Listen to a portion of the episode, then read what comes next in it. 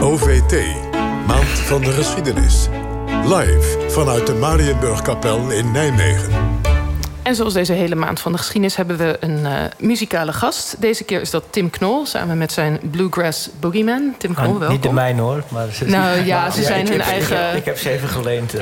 Heel goed. Ja. uh, je hebt een nieuw album uitgebracht samen met deze band, inderdaad. Happy Hour heet het, het album. Een onvervalste Bluegrass plaat. Is dat een, een, een, een, nieuwe liefde voor jou, de Bluegrass? Iets wat al heel lang op je verlanglijstje stond om dat te doen? Ja, het is een, vanaf mijn jeugd hoor ik die muziek thuis al. Ik ben echt mee opgegroeid. En ik ken de jongens al heel lang, al jaren. Toen ik een jaar of 13, 14 was, zag ik ze spelen in Horen, waar ik vandaan kom. In een café aan de haven. Het kleine café aan de haven zelfs, was dat. Zo, nee, echt waar. uh, uh, en uh, toen was ik meteen verliefd op die, op die gast en op de muziek. En, ehm, en nu jaren later eindelijk een, een plaat samengemaakt. Ja. Ja, prachtig. En, en Arnold Lasseur, je bent een van de Bluegrass Boogeymen. Je speelt al zo'n 30 jaar Bluegrass. Voor um, wie kan het nog niet. Ja, nou, het klonk al heel goed. het is prachtig. En wat, wat is dat voor muziek, bluegrass? Ja, bluegrass is eigenlijk uh, te omschrijven als een uh, akoestische vorm van uh, countrymuziek. Eigenlijk, dat komt voort uit enerzijds wat de Scots Irish meebrachten naar Amerika. Wat in de Appalachen terecht kwam. En daar kwamen ze de zwarte mede-Amerikanen tegen. Die hadden natuurlijk de banjo met weer hele andere muziek. En die fiddle muziek van... die viool, sorry. Viool is fiddle muziek is, uh, die past heel goed op die, uh, op die banjo-muziek uh, van, van de zwarte Amerikanen. Dus ja, dat was het eerste mooie. Dat was eigenlijk de oerknal van wat ze vandaag de dag dan oldtime muziek noemen. Fiddle en banjo. Nou, daar is bluegrass eigenlijk een, een afgeleide van. Die, in oldtime is het vaak dat iedereen tegelijk de melodie speelt. Maar in bluegrass werd het eigenlijk meer, min of meer zoals vergelijkbaar in jazzmuziek. Had iedereen zijn eigen rol. Eigenlijk soleerde ook iedereen apart. Dus uh, dat was toen de tijd een volledig nieuwe muziekstijl. Uh, geënt op de oldtime. tijd, dan praten we op begin 20e eeuw, eind 19e eeuw. Uh, ja, dat, dat bluegrass echt de blauwdruk ontstond... Dat, dan hebben we het over de halverwege de jaren 40. Ja. Zeg maar. Van? Van de, de vorige eeuw. Juist.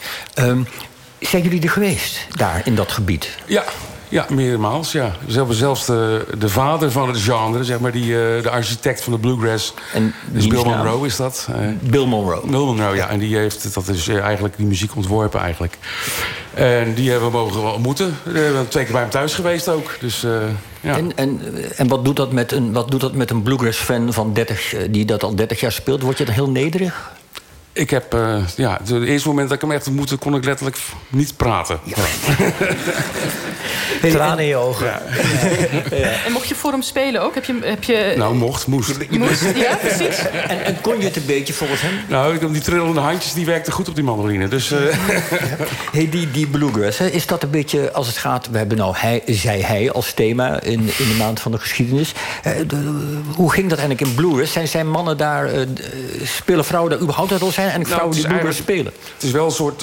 wat omschrijven als, als een family muziek. Dus dat, dat wordt echt gewoon op de poort zou ik zeggen, uh, gespeeld door, de hele, door het hele gezin ook. Zoals de moeder van Bill Monroe bijvoorbeeld, dus, waar ik het net over had.